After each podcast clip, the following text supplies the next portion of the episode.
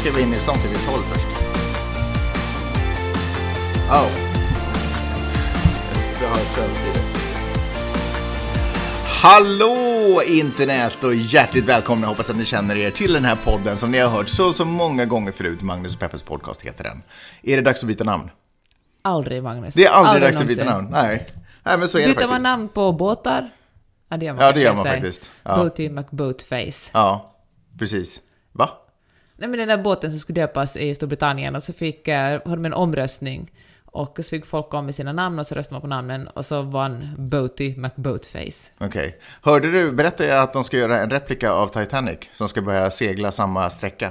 Fast hela sträckan, alltså till New York. Känns som en ganska morbid idé. Ja, men alltså verkligen, de ska, de ska göra en replika av den in i minsta detalj. Har vi pratat om det här? Nej, men jag tror du snackade någon gång om det, men jag kanske zonade ut. Ja, ja, för det var så ointressant.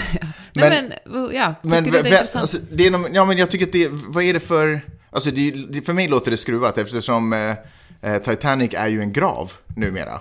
Eh, precis på samma sätt som Estonia är ju en grav, det är ju inte ett skepp längre. Så att göra en replika av det nu, alltså jag förstår att det De inte, tänker göra om, göra rätt. Ja, de tänker göra om, göra rätt. Nej, men det är någon miljardär som har någon fascination av det.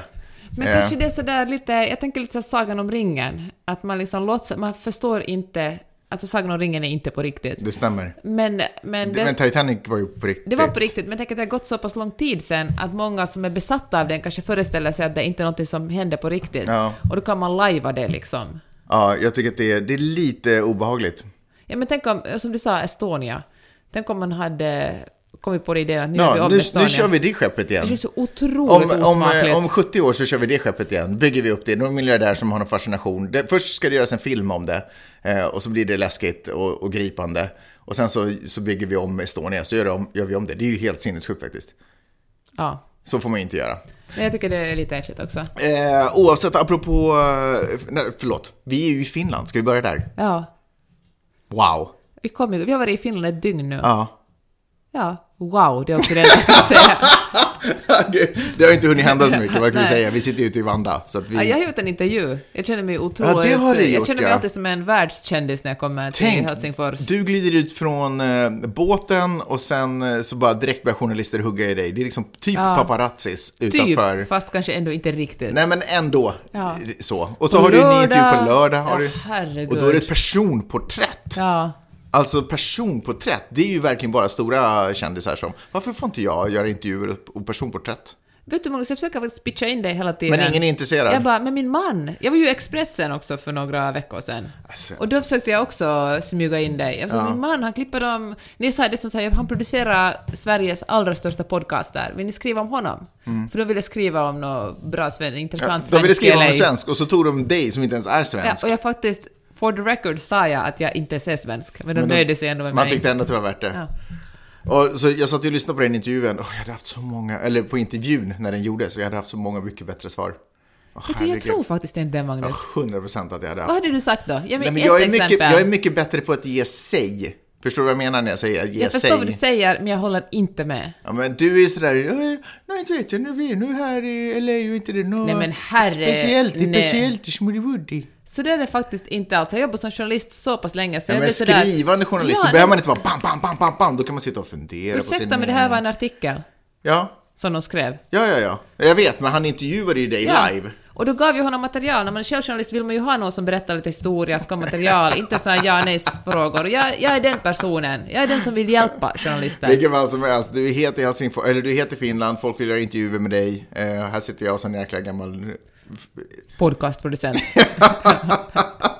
Nej, men det är faktiskt nice att vara här måste jag ändå säga. Och vi har ju också varit i Sverige, ska man väl också tillägga. Ja. Hur känns det överhuvudtaget att ha landat i Norden? Ja, men det känns fint. Mm. Ljusa nätter, eh, vackra människor. Det som slog mig i Stockholm är att alla är så snygga.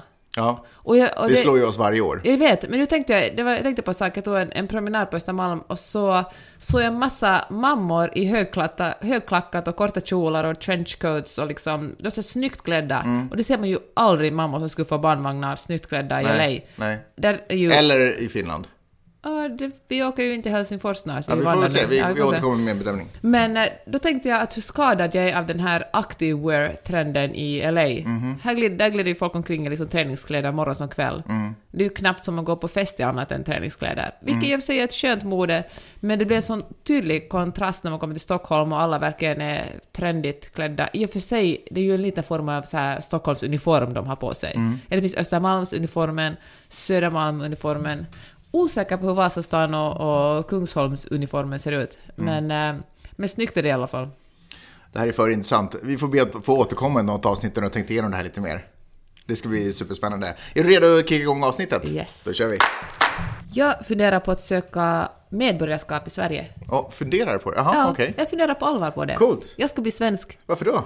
För- Är det för att jag har det mycket roligare? Ja, ditt liv verkar så otroligt mycket roligare. Man vill ju smaka på det goda livet. Ja. Och, eh, men så skrev jag så här på, nej men du vet Twitter, eller du är ju inte så aktiv på Twitter, men ingen tar väl Twitter på allvar. Nej. Och så skrev jag lite sådär... Är Twitter fortfarande en grej? Nej men bland vissa journalister Eller är det, och du, politiker. är det du och vad heter det? Ett, an, ett, Fri, eh, triumf som typ är där. Ja, viss, viss snickesnackar där ibland. Men, eh, men så skrev jag sådär, alltså inte på allvar. Jag menar, ska man, ska man söka fakta är ju inte... Ingen går ju seriöst till Twitter och ställer en fråga för att få reda på hur saker och ting ligger till. Så skrev jag en rolig tweet om att, att eh, jag funderar på att söka svenskt medborgarskap, vilka är för och nackdelarna? Och svaren jag fick, att folk bara merchade in med liksom massa... Folk bara du måste, du måste vara gift med en svensk i eh, två år. Och så kommer någon annan in, nej i tio år. Så börjar de bråka sinsemellan hur många år man måste vara gift med en svensk. Och hur länge man ska ha bott i Sverige och eh, det finns inga fördelar. Jo, det finns en fördel. Och då känner jag att det är fint att folk engagerar sig, men... Men som finländare så får man ju Jag svenskt medborgarskap skojar bara! egentligen utan att... Alltså om man bara går över, om man bara kliver i Om man land går över till den andra sidan. Ja, jag menar, man man ju- ut från terminalen, står de där och frågar om man vill bli svensk. Nästan. Det är ju... Alltså det roligaste var, jag har ju ett svenskt personnummer. Mm. Och eh, när jag ansökte om det gick vi dit med alla barn. Maj-Lis var ju ganska ny då och Vida var där. Och, och ingen av oss hade ju riktigt något ordentligt personbevis ens på oss. Och de bara, och så gick vi in och var sådär att hej, vi skulle vilja ha ett personnummer. Och så sa en dam bakom kassan, duger det här? Och det är ju verkligen... Processen är ju inte komplicerad om Nej. man säger så. Inte om man är vit medelålders man som kliver in och sätter sig. Jag kan tänka mig att det hade sett annorlunda ut om jag hade visat upp ett somaliskt pass innan. Gud ja. ja. Men då tänkte jag att... eh, jag, Men ja. vad känner du själv är fördelen med att vara svensk medborgare? Ska du avsäga dig ditt finska medborgarskap också? Nej, det ska jag inte. Men vill du på riktigt veta varför det? Ja. För att jag laddade ner Avanza-appen. Är det här för att du ska kunna använda en app som du blir svensk medborgare? Ja. Okej, vi går Och det vidare. var så otroligt komplicerat. Om man ska vara finsk medborgare måste man skicka in Men en finns massa det inte papper. avanza.fi? Ja, men det var också... Alltså kan man inte investera pengar i Finland? Ja, men det kändes... Men nu har jag det svenska och jag har ett svenskt konto, orkar jag sig in? Och så var de sådär att nej, för att du ska köpa de här Walmart-aktierna så måste du... Så om du inte är svensk medborgare måste du skicka in ytterligare information. Alltså det är så och då många tänkte jag- frågor. Vänta, svensk medborgarskap, app, Walmart. Alltså vad är det som händer? Men då Peppe? tänkte jag helt enkelt att istället för att börja samla på med en massa... Alltså det känns så byråkratiskt att börja skicka in en massa bevis att jag är en... Men varför ska du börja investera i det ondaste företaget på jorden? Är Walmart Ja men de ondskefullt? säljer ju bara billighetsprodukter och deras anställda får ju typ inte betalt alls. Okej, men något annat företag då. Men i alla fall får jag inte köpa aktier. Och det, Och den det, svenska appen om jag inte är svensk medborgare. Om det är och då tänkte att- jag, då kan jag fan söka det medborgarskapet. om det är för att köpa Walmart så du vill bli svensk, då kan du fan skita i det tycker jag. Får jag komma med en positiv nyhet Ja. istället för dina dumheter? Eh, Jag tror du skulle bli glad över att jag vill bli svensk. svensk medborgare? Ja men ja, om det hade varit av kul, någon kul anledning. Typ jag vill känna mer connection med min man eller det vore kul om vi alla bara i familjen samlades in under en och samma flagg. Inte vet jag, något underligt liksom. Men inte sådär, jag kan inte använda den här appen. Det, det är liksom den lamaste ursäkten jag hör. Säg inte det när du söker medborgarskap i alla fall. Att du inte är därför, för då kommer du aldrig få det. Varför vill du bli? Va? Ja, man, måste, en- man måste skriva varför man vill En bli svensk. motivering, liksom. Ja, och då kan du inte, jo för att jag kommer inte in på Avanza. Då kommer ju de bara, nej men denied. liksom, vi kan inte ha idioter. Vi har, vi har tillräckligt med idioter i det här landet. Ja. Vi behöver inte en till. Hör du, eh, Jay-Z är den första hiphopparen, hiphopparen, det är en ny genre, hiphopparen att bli miljardär. Jag så. Lite förvånad, jag trodde faktiskt att Dre blev det med att han sålde den där musikgrejen, med, eller gjorde en musikdealen med Apple. Men tydligen är Jay-Z det, har, eh, har nyheter gått ut med. Jaha, grattis. Ja, är inte det, det är väl ganska coolt? Miljardär, då har jag man menar, rätt Jay-Z, mycket pengar. han har ju verkligen started from the bottom. And now he's here, fast det var ju i och för sig Drake. Men, eller? Ja, men jag menar inte att han gjorde den låten dum, men jag menar att han är ju inte som Kanye West som har kommit från en ganska välbärgad familj, utan Kom Kanye West från en välbärgad ja, han har ju familj? gått på universitet och verkligen Men, det super behöver inte medelklass. döma ni... Och i Det betyder bara att han är svensk. Älskling, i USA måste man ha pengar för att kunna gå på universitet. Ja, fair enough. Jag tror att det finns... Ah, whatevs. Gud, så fort jag försöker komma med någon information om hiphop känner du att nu kommer jag in på, nu kommer jag in lite på ditt område och så blir du defensiv. Ja, så är det. Eh, får jag bara säga att en miljard, det är alltså en etta följd av nio nollor. Det är rätt mycket pengar. Det är alltså tusen miljoner. Jag tror inte man förstår liksom Nej. magnituden av antalet eh, slantar. Eh, och det här leder ju mig till nästa. Eh, nämligen hon som var gift med Amazon-grundaren. Nu ska jag bara... Je- Jeff Bezos heter han. Han heter Jeff Bezos och hon heter Mackenzie Bezos. Eh, de har ju gått skilda vägar. Skilda vägar, ja precis. Och eh, som det är i USA när man går skilda vägar så då får parterna hälften var helt enkelt. Så hon har nu fått 36 miljarder dollar. 36 miljarder dollar. Det är helt Vet du vad, det är för mycket pengar. Får jag då ändå säga en sak, nämligen eh, hon inser att hon fått jättemycket pengar och hon har ett stort hjärta. Så hon har bestämt sig för att donera hälften av de här pengarna. Vilket betyder att vadå, hon har 17 miljarder dollar kvar eller något sånt. Ja. Det så? 15, 16, 17, 18 miljoner dollar förstås. Ehm, dollar kvar. Vad ska hon med 18 miljoner dollar? Vad ska hon med 18 miljoner dollar till? Vad ska hon med Varför donerar inte hon liksom 99 procent?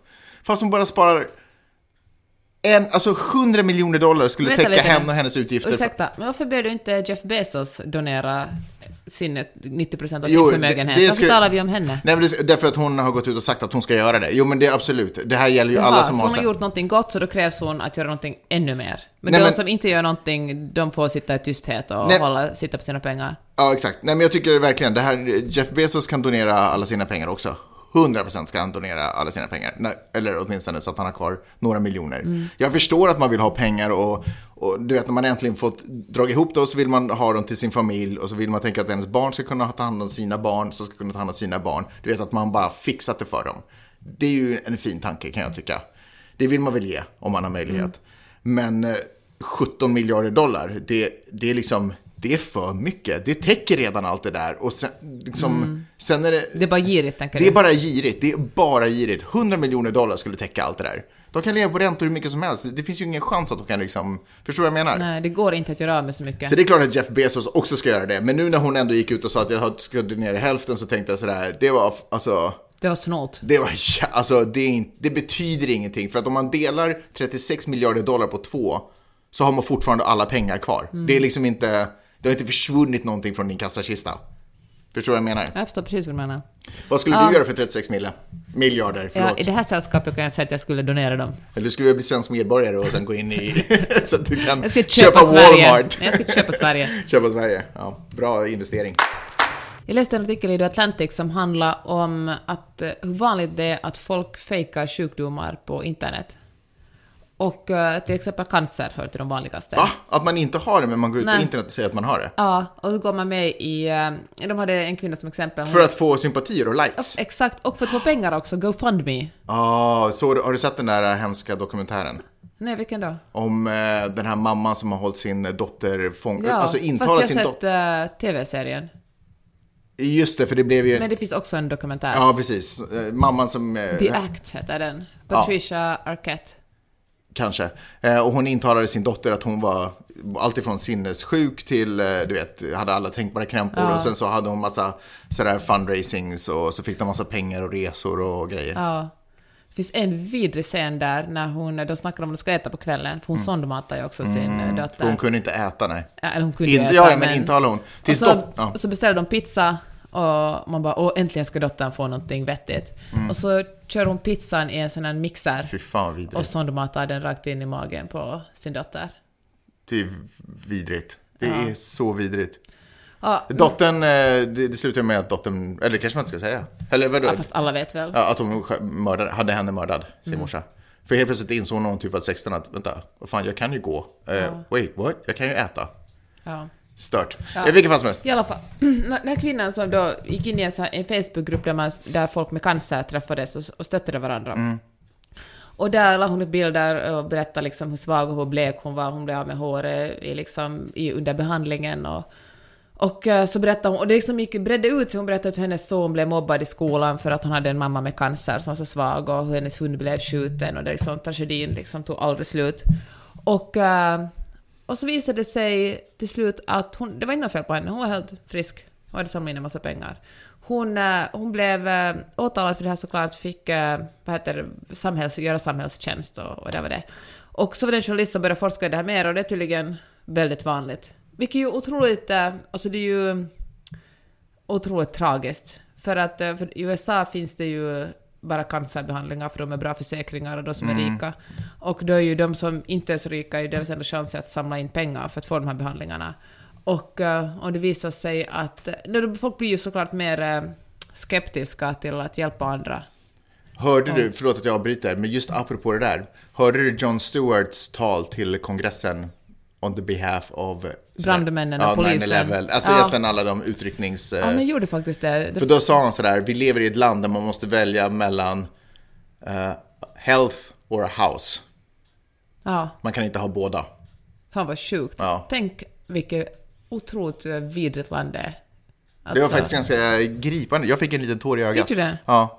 Fast jag tänkte att det var jävligt patriotiskt där. Men, men det var faktiskt... eh, Så intressant att han eh, verkligen... eh, Men det är väl nästan inga kongressledamöter att lyssna på honom. Nej, och det var därför han blev, eh, därför blev det väldigt känslomässigt. För han var så Ja. här, det här, är ett, det, här är ett, det här är skam, det här är ett hån. Här är folk som typ håller på att dö. Som har masat sig hit för att tala till kongressen. Var är ni? Liksom. De, de poliser och brandmän som ställde upp under 9-11, de måste säkert gå i pension, en stor del av dem nu. Är- Och många av dem har ju fått liksom sådär på grund av allt rök och alla, liksom all den dåliga luften så har de blivit supersjuka av det tydligen. Ja. Men skitsamma, du höll på att berätta. Ja, men, eh, nej, men jag tänkte bara det är liksom ett, ett, ett fenomen som man, man har liksom vetat om att det finns lurendrejare på internet, Mm. sen internets begynnelse. Men det känns så otroligt... Alltså vadå, det är internet som vi alla använder? Ja. Jag Lu- kommer som en Jaha, lurendrejare? Okej. Men det känns så otroligt cyniskt att, eh, att fejka sjukdom eftersom det ju sker på andra sjuka människors bekostnad, speciellt i USA då. Och, eh, men då fortsätter den här artikeln med att handla, det, också, det handlar liksom delvis om pengar, folk som verkligen cashar in på det, men det handlar också om ett eh, en sätt att bli sedd och få kärlek. Att också den här kvinnan som då hade samlat in en massa pengar i sig, men hon sa att hon kände sig otroligt ensam, och den kärleken som hon fick genom den här forumen och det stö, stödde liksom, det, stö, det, det Ja. hon fick Ja. gjorde att, att hennes livskvalitet höjdes. Men jag kan förstå det. Jag kan, för USA är ett kallt och hårt land, eller det kan vara ett kallt, kallt och hårt land. Och som också kan, eh, dels eh, ekonomiskt kan det ju putta vem som helst i desperation. Så jag kan verkligen se att man säger, fan ska jag göra för att få in pengar? Men det kanske också lite i Och så den kanske det bara sker av en amerikanska... slump.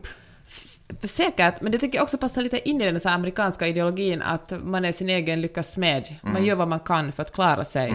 Det är inte så att nu ska vi klara oss tillsammans. Ju fler som klarar sig bra, desto bättre är det för hela gänget. Mm. Utan USA är verkligen sådär att jag ska armbåga mig fram. Det är jag och på sin höjd min familj och inget mer. Men... eh, Det är faktiskt sant, för det är, ju- det är ju i det landet, i det landet så kan ju kriminella argumentera på precis samma sätt som business, eh, alltså folk som håller på, har egna företag och driver och liksom är så här affärs, du vet, typer. De kan ju argumentera på, de pratar ju på exakt samma sätt. Sådär, jag vill dra in mina egna cash, jag är min egen man, jag är, jag är den som har kontroll över min egen, du vet, sådär. Jag läste en artikel på tal om att hur dåligt eh, hälsovårdssystemet i USA, att i Texas finns det flera små byar där amerikaner går över till den mexikanska sidan för att få sjukvård. Nej. De går illegalt över gränsen för att det mexikanska sjuk- sjukvårdssystemet är mycket bättre än det amerikanska. Så de går över gränsen, får sjukvård, kommer tillbaka och eh, ja, vilket fan jävla ironiskt tycker jag. Det är ju sjukt ironiskt. Men de blir, blir mottagna i Mexiko. Ja. För tydligen är Mexiko ett mer humanitärt land. Vem hade trott det? Ja. Men hördu, jag vill ändå säga det här, för det handlar ju också i, det, det handlar ju om pengar, delvis det här att lura, sjukdom, lura så att man har sjukdom på nätet, men också om att få liksom kärlek och att man känner sig mindre ensam. Och jag tänker att, att DN hade en artikel, fördelen med att vara i Sverige är att man kan läsa pappers-DN på morgnarna. Och då, jag läste en artikel om hur vanligt ensamhet är bland unga människor också i Sverige. Och eh, för inte så många år sedan så um, installerade Storbritannien en ensamhetsminister, för att ensamhet är ett så stort problem i, i, Stor, alltså i, England, i Storbritannien. Mm. Och jag tänker att vilken... eh, Är det här ett, ett nytt fenomen? Eller att folk är så otroligt ensamma? Man tänker att internet då till exempel skulle gjort folk mindre ensamma eftersom man verkligen har... Man behöver inte fysiskt befinna sig på samma plats som en massa människor för att få vänner. Det är ju konstigt, men, eh, men internet, alltså sociala medier missbrukas ju. Det används ju inte till sitt Nej, att knyta bästa. kontakter. Eller det Nej. gör ju det också. Det och de, sant. jag menar, till exempel har ju nätet har ju varit magiskt för oss som bor i LA och kunna ha kontakt med våra mor och farföräldrar och sådär. Att de, Och vänner. Ja, och vänner, precis. Vidde är ju inte, liksom inte blyg när han träffar Nej. min mamma. För att de har kunnat haft kontakt och Skype och så. Så det är ju liksom magin med nätet. Hur man kan liksom binda Mm. samman. Eller det faktum att vi får reda på eh, hands-on av en syrian vad som händer i Syrien. Mm. Du vet att man kan liksom, man kan sprida ordet och press... Förstår du vad jag menar? Absolut, men också, men, men sociala medier handlar ju till stor del också om positionering, att visa Precis, men det är ju den alltså andra sidan. byggande, vilket ju absolut inte har någonting att göra med att knyta relationer. Nej. Ja, Men den här pressen att man helt jag vet inte var den kom ifrån, men den här, helt plötsligt så växte det fram en press att jag måste presentera mitt liv. Och, och så finns det tydligen bara ett rätt, eller några få sätt att göra det på. Men jag tror att det där kommer förändras faktiskt. ja, jag tror också, Det känns talade vi som om det- i förra podden också. Och säkert fler än det. Men alltså det, det surras mycket om just det här um, ärligheten bakom bilderna. uh, Verkligheten bakom bilderna börjar komma fram. Liksom. Mycket tack vare poddar också. Det här, visst, det här tänker du på, för du klipper ju så många Ja, influencerpoddar. typ. Och de säger att de vill visa mer än bara sitt Instagram-jag. Precis, de pratar inte helt osällan om det i poddarna hur de tycker att podd är så grymt för då får, kan man ge en, en bredare bild av vem man egentligen är. Att en bild, man säger att en bild säger mer än tusen ord, men det är inte riktigt sant om man försöker En bild säger oftast bara influencer. Ja, exakt. Men sen är det också om bilden är tagen för just ett specifikt budskap, så då Mm. säger den ju bara det. Köp det här. Ja, exakt. Men hör du, det stod mig en sak nu att... eh, Alla bilder är ju inte liksom marknadsföringsbilder för en influencer heller. Du ska alltid försvara dem. Nej, men jag bara säger. Nej, jag förstår det. Men hör du, det som slog mig att eh, sociala kontakter och vänner, det är ju precis som, eh, som eh, pengar, är ju väldigt orättvist fördelat. De som har, har oftast mycket och de som inte har, har ganska ofta inget alls. Det är liksom, men tror du att, eh, det här är kanske en otroligt naiv tanke nu, men tror du att det här har förändrats i och med sociala medier? Vet du, att klyftorna, precis som liksom pengaklyftor, liksom in, inkomstklyftorna har blivit djupare, har också de sociala, alltså relationsklyftorna blivit djupare. Att sociala medier på något sätt gjort att de som har många bekanta och många liksom kontakter utåt bara samlar på sig mer medan andra bara blir ensammare. Nej, men jag tror att det, nej, jag tror att folk blir ensamma för att de inte känner att de passar in. Jag tror att det är det som gör att folk blir Att det finns en ensamma. stark norm liksom. Ja, för kontakten mellan människor handlar ju om att man känner gemenskap, att man har liksom likadana värdegrunder eller att man har likadana Mm. intressen. Det är ju det som gör, men om man inte helt plötsligt känner igen sig själv i den här världen, då blir man ju ensam. Förstår du vad jag menar? Jag förstår, men det finns ju andra sätt att få vänner på än bara liksom inom sociala medier. Ja, sen är ju inte alla, alltså det är ju svårt för, det är ju inte lätt för alla att gå omkring och ta, jag tror inte att jag tror inte att sociala medier har varit varken bu eller bä där. Men däremot så vet jag att, eller det verkar ju som att otroligt mycket fler människor mår dåligt sen sociala medier kom in i spelet. Vet du vad, det är faktiskt en influencer nu, nu kommer jag inte ihåg vad hon hette, som tar två månader telefonledigt. Alltså, det låter ju som det sjukaste jag hört, men tänk dig själv att vara utan telefonen i två månader. Du menar att det låter sådär wow, alltså det här verkar det största världen har kommit med. Ja, men hon, Känner, hon känner att det här håller på att bli för mycket för mig. Mm. Jag måste ta en paus. Och när telefonen är hennes jobb så är det enda sättet att ta semester, precis som med arbetsplatser, man går ifrån arbetsplatsen Mm. liksom i två månader. Men alltså, det snackades om det lite. Breaking news. Det snackades På lite. CNN, de röda rubrikerna. Ja, men skulle du, du skulle inte Nej. kunna vara borta utan telefonen i två månader. Hur ska du komma in på Avanza till exempel? Nej, men alltså, och det pratades lite om det i några poddar och de var så här, shit, det är så inspirerande. Alltså utan telefonen i två månader, jag vet inte om jag ska klara det. Ja, men du vet, förstår vad jag menar? Och, och jag vet inte ens om jag har behöv, känner att jag behöver göra det, för jag är inte så mycket på... eh, Du då personligen, ja, Magnus alltså. ja. Men du är ju inte alls beroende av din telefon. Jag är liksom lite avundsjuk. Ja, fast nu är jag lite, för det är ju ett sätt för folk att få kontakt med mig. Ja, fast det är ju inte, det är ju liksom, det är ju Men Ja, utöver det så är Ja, jag det inte är ditt beroende. jobb. Men, alltså, jag menar, men, ditt, men Instagram och Facebook och Twitter skiter du ju blankt i. Ja. Jag, skit, jag skiter blankens i det, kan man Ah. säga. ja, vad säger du då? Om vad då? Om, om det här du har pratat om. Så du liksom inte lyssnat alls de senaste tio minuterna? Jag satt och tänkte på vad jag ville säga. Ja. Klassisk snubbe. Det där är ett där knep, knep som jag brukar ha. Jag vet inte om det är för att man har pluggat lite journalistik och man är van att ställa folk frågor. Men du vet, jag har sådana sociala knep när jag liksom antingen tycker att en social situation är tråkig eller personen jag pratar med bara, "Åh, herregud varför står jag och slösar mitt liv här? Och så kan man bara, då kastar man tillbaka lite frågor och det där är just en sån där. Har du sådana här sociala knep för hur du hanterar olidliga sociala situationer? Men ja, men jag tänker inte alls säga de Du här. tänker inte, för folk kommer, alla kommer känna sig träffade eller? Men däremot kan jag tänka otroligt förvånande hur dåliga folk är på att ställa frågor. Ja, ja men det har vi ju redan, ja. Det är, jag, menar, jag, jag liksom slås av det hela tiden. Folk är egentligen väldigt ointresserade av andra människor generellt. Eller oss, tror jag. Ja, det känns, ja. Stundvis känns det personligt, liksom. Jag tror att folk bara är jävligt ointresserade av oss. Period. Men kanske jag ändå fått tillräckligt. Lyssna på podden, läsa bloggen och kolla på Instagram. Är det liksom nafs enough? Ja. Hör du, från det ena till det andra, ska vi snacka lite bränder? Mm. Är du med? Det, vi går ju snart in i brandsäsongen, tänker jag, i, i California. Eh, förra året, eller förra säsongen, förra hösten, förra augusti, eh, ish. Så eh, härjade ju en av de största i Kaliforniens historia. Den som kallas för, ja vad kallades den för? The Ranch Fire, vad var det? Uppe i norra delarna. Nu har det kommit ut en rapport som berättar hur allting startade och vad som hände. Är du nyfiken? Ja. Ehm, satt inte vi på en eh, tillställning för ett tag sedan och så sa jag att jag hade fått reda på Ja. hur det startade och så var jag så här, det får ni höra i podden Ja. och alla bara what the f-? och de har fått vänta på det avsnittet också. Herregud, ja. Jo, så här var det. Ehm, det var en rancher uppe i norra eh, Kali- Kalifornien. En som- rancher, alltså en bonde. Ja, fast, En fast han hade cowboy. inte, nej men, ja, med rancher så, En husägare. ja men vad fan är en rancher? En rancher, är det en bondgård? En amerikansk ranch. bondgård? Ja. Ja. Med kossor och Ja hästar. men du vet, de ser ju inte ut som svenska bondgårdar, så att ni får ju tänka en amerikansk. Mm. Whatever, alla vet vad en rancher är. E-I-E-I-O, du vet. Mm. Ehm, som ehm, hade noterat ett binäste. Och han var super, jag vet inte om han var allergisk för bin, men på något sätt så var det panik och han måste få bort det här. Man får inte döda bin, de dör ju annars också. Nej, men Världen det, går under. det här var inte snack om att han skulle döda dem, det här var snack om att han skulle få bort Bränna dem. upp dem. Nej, han skulle inte bränna upp dem, han skulle bara få bort dem. Så han gick och hämtade ett spett. Jag vet inte. Ja, men man dödar ju inte bin med spett. Det kan man väl i alla fall konstatera.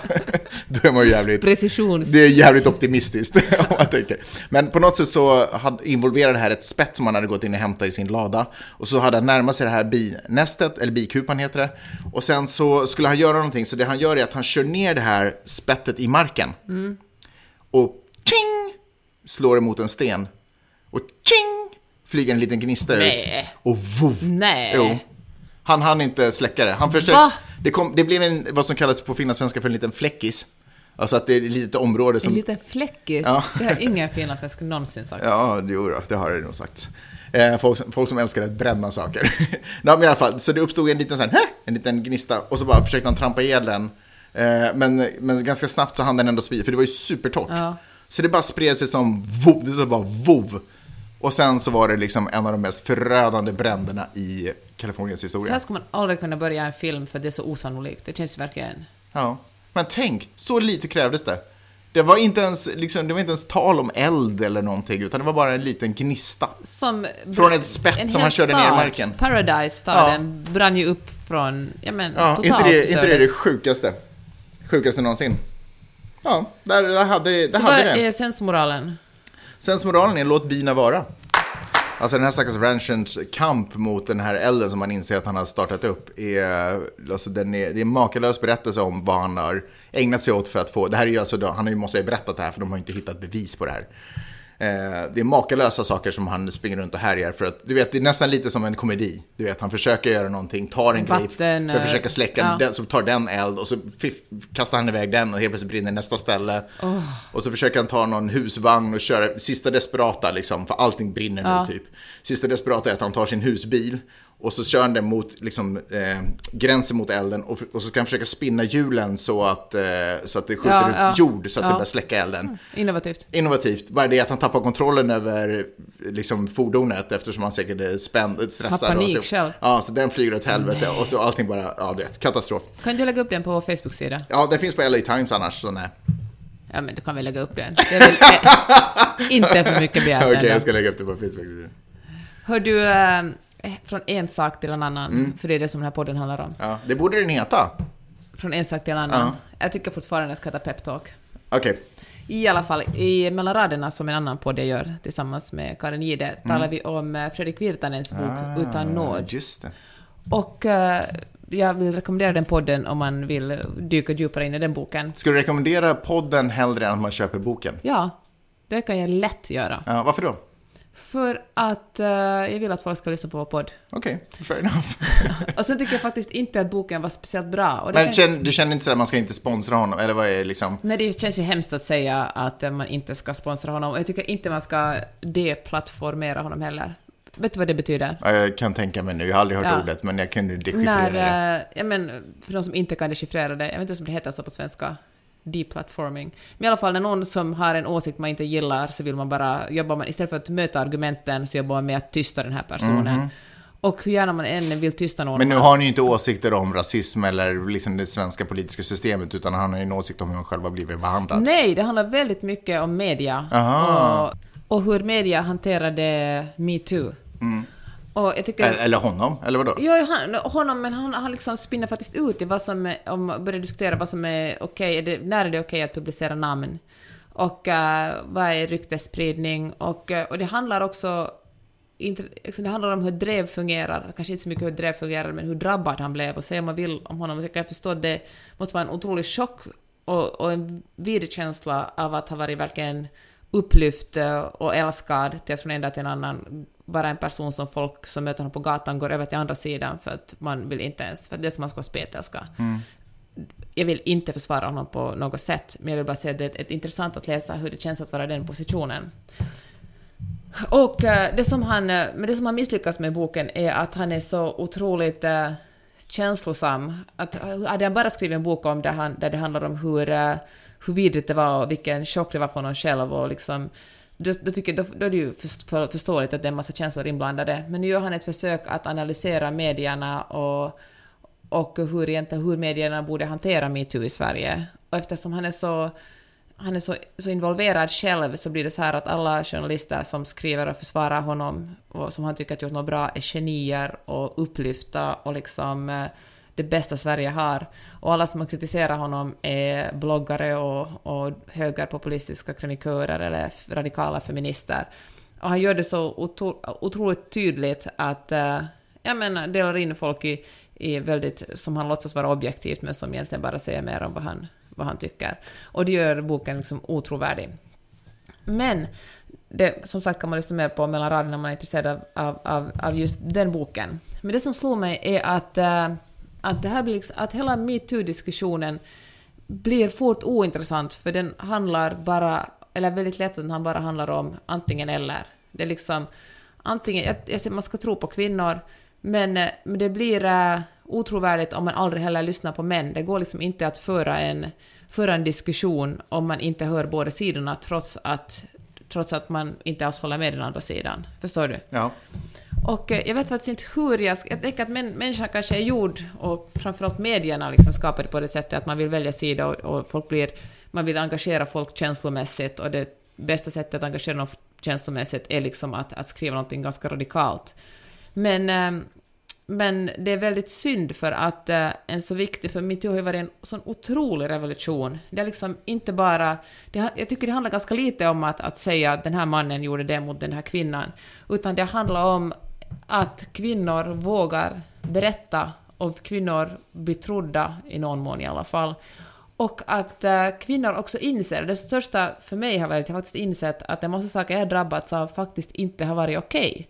Det är sådana saker som inte har känts okej, men jag har känt mig löjlig eller liksom överkänslig, som har tyckt illa om dem, och jag måste acceptera att det här är nu bara en del av att vara kvinna. Men på något sätt har metoo gett mig den legitimiteten att förstå att nej, det är faktiskt inte okej och jag skulle ha haft all rätt i världen att sätta ner foten och skrika och liksom alltså konfrontera den här mannen och liksom och kanske inte ens konfrontera honom utan bara få liksom självförtroende att förstå att det jag känner är rätt. Det är inte jag som är löjlig. Och um, så jag tänker att, att om man ska se kanske, återgå, se något gott om Fredrik Virtanens bok så är det kanske det att, att okej, okay, han får sin, han får prata ut, han får liksom, vi får höra hans, kanske inte så jättebra, jätte, kanske inte mest välskrivna berättelser, men han får i alla fall utrymme och det ger rörelsen mer legitimitet för att, att få flera olika sidor av problematiken. Vad, vad fick du ut av, eh, liksom, eh, av hans, hans sida av berättelsen? Om du bortser från kritiken till media och, och sådana saker. Att han... Jag tror att han representerar väldigt många män i det här fallet. Att han bara vägrar ens nudda vid tanken på att han kunde ha gjort något fel. Han på något sätt gömmer sig bakom det att han har uppfört sig då inom situationstecken tölpigt. Men är det, är det taktiskt? För är det, vore det liksom Nej. ett självmord? Nej. Är han rädd att det är ett självmord om han, är, liksom om han tar ansvar för det så att säga? Jag tror, nej det tror jag faktiskt inte. Skulle han sagt så här, fan, ärligt talat, jag har ingen aning vad som hände då. Det är så länge sedan, jag var hög, jag var full, jag liksom ångrar mig bittert. Jag kan liksom inte med 100% säkerhet säga att jag inte gjorde det som Cissi Wallin anklagar mig för. För jag tycker det, det skulle på något sätt ha varit trovärdigt. Att han minns väldigt mycket detaljer från den tiden i sitt liv, men just den här kvällen så, så vet han bara att han inte gjorde det hon sa, men annars har han inte några detaljer. Det känns liksom, mm, really. Men, men det kanske att han, jag, jag tänker att det är för obehagligt för honom att ens nudda vid liksom den tanken att han verkligen kan ha varit ett riktigt stort, stort svin. Och inte bara ett svin, utan verkligen en våldtäktsman.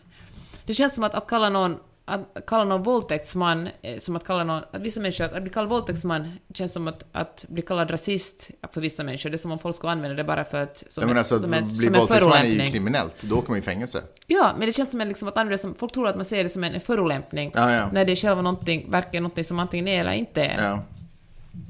Och uh, så jag tror liksom att han inte, att det, ja men det är för hemskt för honom att ens leka med den tanken. Och då har han bara blockat ut det och bestämt sig för att alla andra är galna. Att han har kanske gjort misstag, boys will be Låter boys. Låter också som en ganska naturlig reaktion? Ja, men jag tänker att en del i liksom i metoo-revolutionen handlar ju om att män måste rannsaka sig själva. Det, det, den heter ju utan nåd en rannsakan. Mm. Han rannsakar sig verkligen inte. Men, eh, eller han, han skenrannsakar sig. Han pratar precis så mycket att han inte kan bli anklagad för någonting. Mm. Han rannsakar sig sådär att liksom, vem har inte gjort saker som är inte helt korrekta som ung och på fyllan eller som hög. Men han går liksom aldrig så långt att han ska haft något, att han ska liksom bli anklagad för något som han Men det är ju en hopplös situation, för det är klart att han inte är intresserad av att sitta i fängelse för någonting som han har kommit undan i, jag vet inte hur länge, hur många decennier, Nej, jag vet inte. Snart 15 år tror jag. Ja, men så det är klart att han inte är intresserad av det. Och om man skulle erkänna någonting så tänker jag att då kan ju det liksom... Fast det är väl preskriberat för länge sedan, tänker jag. Ja, Fan, jag kanske inte, inte, men om det inte är det. Liksom. Men vilken, vilken våldtäktsman hamnar i fängelse? Ja, det är otroligt en, ovanligt. Ja, kanske den Ingen, som erkänner. Det är ju alltid ord som står mot ord. Ja, fast kanske ja. den som erkänner.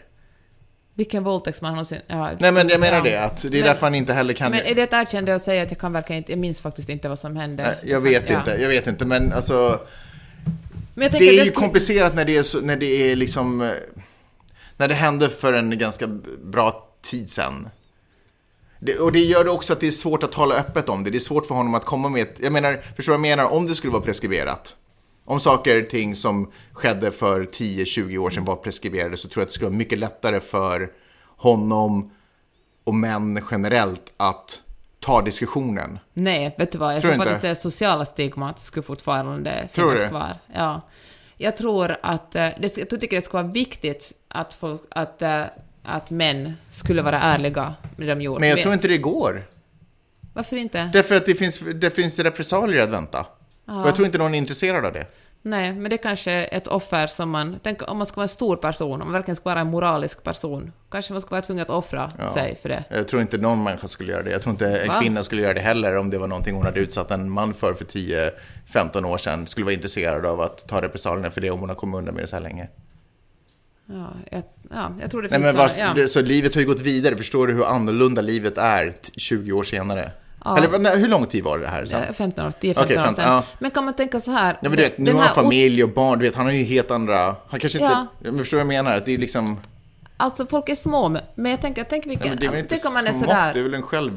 Alltså... Men man om man har väl... gjort ett brott kan man väl erkänna det? Nej, det kan man väl kanske inte göra. Jag känner så här att om man... Tänk om vi är ju den här otroliga Jag har gjort revolutionen. massvis med småbrott när jag var yngre. Det finns inte... Ursäkta nu. Ja. Den här metoo, det har liksom verkligen... Det har ju hänt... Alltså det har ju verkligen fört jämställdheten framåt på ett otroligt sätt. Det Mm. verkar vara liksom en, en, en brytningspunkt. Tänk om man känner så här att jag vill, jag vill vara en del av det här. Jag liksom... Jag, vill, jag tror på mäns och kvinnors liksom lika rättigheter. Jag tror på liksom jämställdhet. Jag vill vara en del i den här revolutionen och därför berättar jag vad jag har gjort. Mm. Det var fruktansvärt och jag ångrar mig idag. Jag skulle aldrig göra om det. Ja, jag förstår att du skulle vilja det, men ja... Men det är Men kan en omöjligt. kvinna få drömma? Jag tror faktiskt inte det är möjligt. 100 procent. Ja, men det har ju inte hänt. Hens omöjligt. Mm. Och snart växer det upp en ny generation som förhoppningsvis inte... Eller som fattar att... Men kanske det, tänk om man skulle göra det och den generationen, ja, får säga att det är så här, så här, det här är en ny fräsch generation. Den här generationen är bättre än den förra. Ja. Genom att förneka det och säga att, att det bara... För att i och med att inte erkänna en våldtäkt så då säger man ju indirekt att det är kvinnor som ljuger. Då liksom fortsätter vi bara i ett, eh, i ett samhälle där kvinnor som vågar berätta anklagas för att vara lögnare och där kvinnor är otrovärdiga. Alltså räknas det om man inte gör det igen? Förstår du vad jag menar? Nej men om man... Om man om, ja, eftersom, eftersom han aldrig kommer erkänna det här. Så är Fredrik. Virtanen. Ja. Är det, bet, är det ändå inte en liten seger om man är sådär holy fuck. Snälla någon, gör så att jag aldrig åker fast för det här så ska jag bli en bättre... Jag ska börja gå i kyrkan. Typ. Eller något sånt. Förstår du vad jag menar? Och så blir man Men bättre. är inte ganska så symptomatiskt att det enda du tänker på att hur ska vi rädda de här männen? Nej, att, nej, att diskussionen tänk- kring metoo handlar om att stackars män, gud vad vidrigt för de här männen Nej, men som? Nej, som men för har gjort tänk- något hemskt och nu har de familj och de är ju snälla idag. Hur ska vi göra för att de ska ha ett bra liv? Istället för att tänka på 100%. hur kvinnor systematiskt har blivit misshandlade och, och liksom... 100 procent, men du, precis som du sa, du ville ha en diskussion. Du skulle vilja att folk öppet liksom, kunde prata om saker och ting så att man kunde göra världen till en bättre plats. Men så länge... Men ingen vågar ju prata om de riskerar att få... Alltså, om de riskerar att bli hängda för det. Då är det ju ingen som vågar ha en ärlig diskussion om det. Då är det ingen som går fram och erkänner att jag, jag är en häxa om man blir bränd så fort man säger det. Så ditt förslag nej, men är, är att man svår. säger att alla ni som har våldtagit, ni kommer inte, det kommer inte att komma några repressalier, det är bara att, att berätta. Alltså, jag vet För det jag- säger man ju också, det är inga allvarligt brott. Skillnaden är ju att om man öppnar upp det nu, då är det också mycket lättare att så fort det händer ta tag i det. Det som vi pratar om nu är ju att folk eh, har synder över sig 15 år bak i tiden och de riskerar straffas för 15 år bak i tiden. Ingen man kommer bli straffad för det. Ja, Alltså- men fast om man erkänner någonting så då blir man ju det. Då har man ju erkänt. De har ju aldrig åkt fast tidigare för att de aldrig har erkänt. Det är därför folk kommer undan. Men tänk om någon erkänner och det blir liksom en, en våg av erkännanden. Men sådär, det här var en, det här var en Ja, tid men då kom- patriarkatet gjorde att tänk jag om, tänk om, men det trodde inte att hända, Kvinnor, liksom. Att män ägde kvinnors kroppar och kunde göra vad de ville Ja, men de den kropparna. diskussionen kan man ju ha. 100%. Det kan man ju ha. Ja, hur som helst tycker jag i alla fall att eh, det minst intressanta i den här diskussionen är frågan om Fredrik Virtanen våldtog Cissi Wallin, alltså som person. Mm. Ta, pratar han om eh, mycket om det, eller nej? Nej, han benämner henne som Instagram-kändisen. Vilket ju också tycker jag är ett... Man eh, bro. ja, kan liksom det är så... Han gör det så ovärdigt på något sätt. Han gör det så övertydligt ovärdigt. Jag tänker att om han verkligen ville skriva, skriva... För det som han strävar efter är att, att friskriva sig själv. Att han, han vill skriva en bok som är så smart och så bra och så känslosam att eh, folk både rationellt och känslomässigt ställer sig på hans sida. Men det kan, inget svenskt förlag ville ge ut den här boken, så var tvungen att komma ut med det på ett norskt förlag. För övrigt, enligt honom själv, ett av Norges mest högt skattade och välrenommerade förlag, det viktigaste förlaget i Norge. Och, eh, och då tänker jag att, att de, de svenska förlagen sa så här, vi kan ge ut den här boken om några år, men liksom nu är inte rätt Nej. tid. Och jag tänker att det borde han kanske ha gjort. Vänta några år liksom och försökt se det hela Komma ut mer som en biografi. Eller är det typ en biografi? Nej. Nej, det är någon slags... Det, det, han ville väl skriva en biografi, men det handlar mycket om mediernas roll i det hela. Men nu blir det, nu är det en bok skriven i affekt. Jag säger inte att han liksom är dålig skriven, det är så många liksom många väldigt välskrivna liksom delar där. Men den är skriven i, affekt, i så pass mycket affekt att den helt enkelt inte blir trovärdig. Ja. Och jag, Hur många getingar får den? ha. Jaha, du, du fick inget svar? Eller jag fick inget svar. Nej, men jag vill inte vara en sån som ger getingar åt folk. Vi är ju mitt inne i Gay Pride-månaden. Mm. Det benämns ju som Gay Pride-månaden. Jag visste faktiskt inte att det var juni. Jag ska tippa på juli om jag ska vara helt ärlig. Ja, men så här är det i alla fall. Och i eh, USA så har ju den här kampen pågått i, alltså, eller du vet, kampen, jag menar gay-paraden och sånt. Eh, Vad heter det? Pride-paraden? Ja, Mm. någonting sånt. Den har ju hållit på i nästan, eller över 50 år. I Los Angeles. Nja, i Kalifornien. Ja. Eh, Mycket i San Jag började Francisco förstås. San Francisco. Ja, precis. Eh, nu så är det ju en av de största platserna i Kalifornien tror jag är ju West Hollywood, den paraden. Jag tror inte jag ljuger hemskt mycket när jag säger det. Och där har den ju gått sedan 1979. Eh, LA Times hade ganska rolig en sån här timelapse på vad som har hänt. Eh, liksom, eller du vet, hur tongångar och sådana saker har gått. Då när den, eh, då när den gick... Eh, Eh, när det började gå i West Hollywood, som blev liksom en, en plats i Los Angeles där många homosexuella och hbtq-personer började samlas, så blev det naturligtvis, eller det blev ganska naturligt en huvudstad för eh, hbtq-rörelsen och så. Eh, så därför började också paraden, den hade gått någon annanstans tidigare, men sen flyttades den så att den började gå dit. Eh, hundratusentals människor liksom, har Vi var ju varit med ett år. Eller vi stod vid sidan om och med. vinkade Ja, åt dem. precis. Eh, Men det, det som jag tyckte var fint, förlåt jag avbryter dig, Ja. men när vi var där, att först av allt, eller liksom, eh, borgmästaren kommer som är den första av alla i, i paraden. Ja. Och så kommer militären och poliserna och eh, det är verkligen, ja men det är en, en, någonting som inkluderar alla. ja, det, det, Det verkligen. kanske är en självklarhet, men det känns som Nej, en, men det är inte ja. självklarhet i alla, och verkligen inte i världen. Eh, han som var polischef då och skulle godkänna den här paraden i slutet på 70-talet, eh, han hette Ed Davis och han beskrev det så här, it would be just as responsible to let thieves and robbers have a parade, eh, tyckte han på den tiden. På 70-talet. Ja, slutet på 70-talet. Eh, sen så skrevs det om det i The Times. Jag hade en rubrik där det står Homosexuals Stage Hollywood Parade. Event evokes booze and catcalls, but no violence. Catcalls? Det inte det? Ja, fast vet du vad? inte det- Vilket perfekt exempel på att visa att catcalls verkligen inte har... Du vet när eh, folk catcallar säger de jag ville Ja. bara visa min uppmärksamhet. Ja. Nej, det är någonting som för att förnedra kvinnor och visa dem, och uppenbarligen män också, Ja. sätta dem på plats. Det har liksom ingenting med uppskattning eller komplimanger att göra. Det Mm. är bara någonting som visar att jag, jag kan objektifiera dig och bestämma över din kropp. Ja. Men eh, jag tycker det är så fantastiskt och det här är också en påminnelse av allting som vi kan njuta, åtnjuta av idag. är ändå liksom det har byggts upp av tidigare generationer, tidigare människor som har fått lida för det och också gråtit och svettats. Så det spelar ingen roll liksom lite vad man själv går igenom.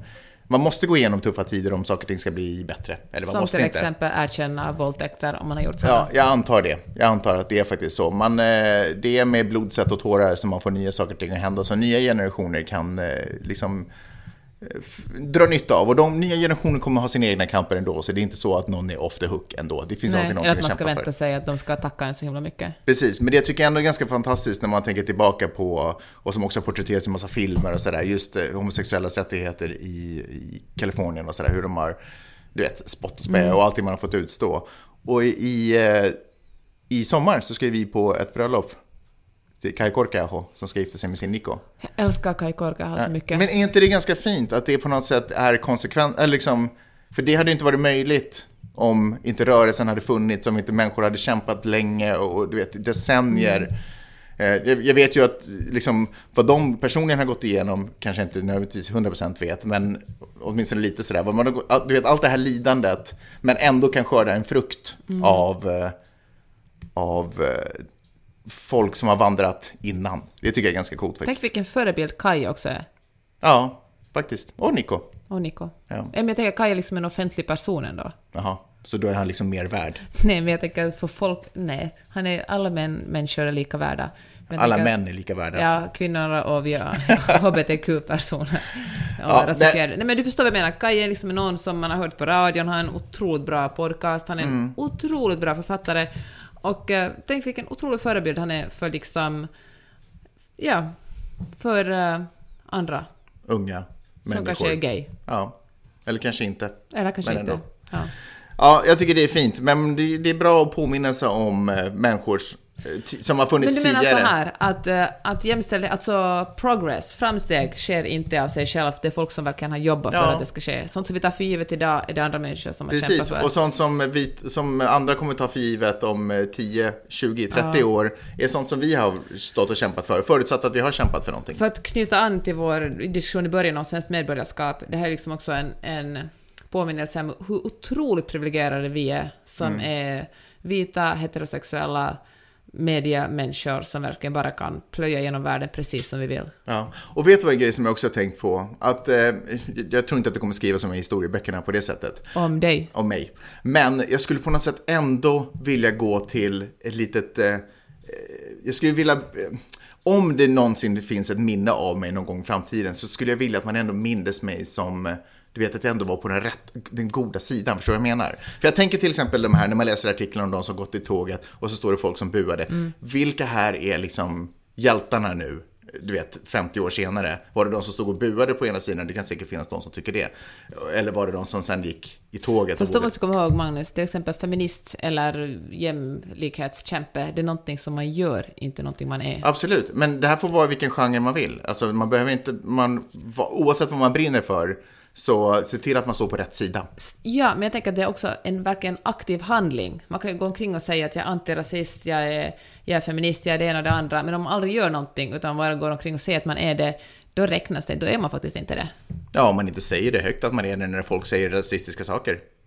Ja, men då behöver man inte gå och springa in och ropa ”jag är antirasist”, utan då går man in och tar diskussionen och försvarar den som utsätts Aha. för brott.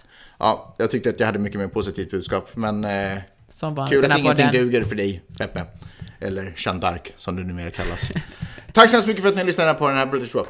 Vi eh, hörs kanske nästa vecka, det hoppas jag verkligen. Herregud, ni ska bara veta hur mycket jag får tjata på Magnus för att vi ska göra den här podden. Så är det. Eh, vi hörs snart igen. Hej då! Hej då!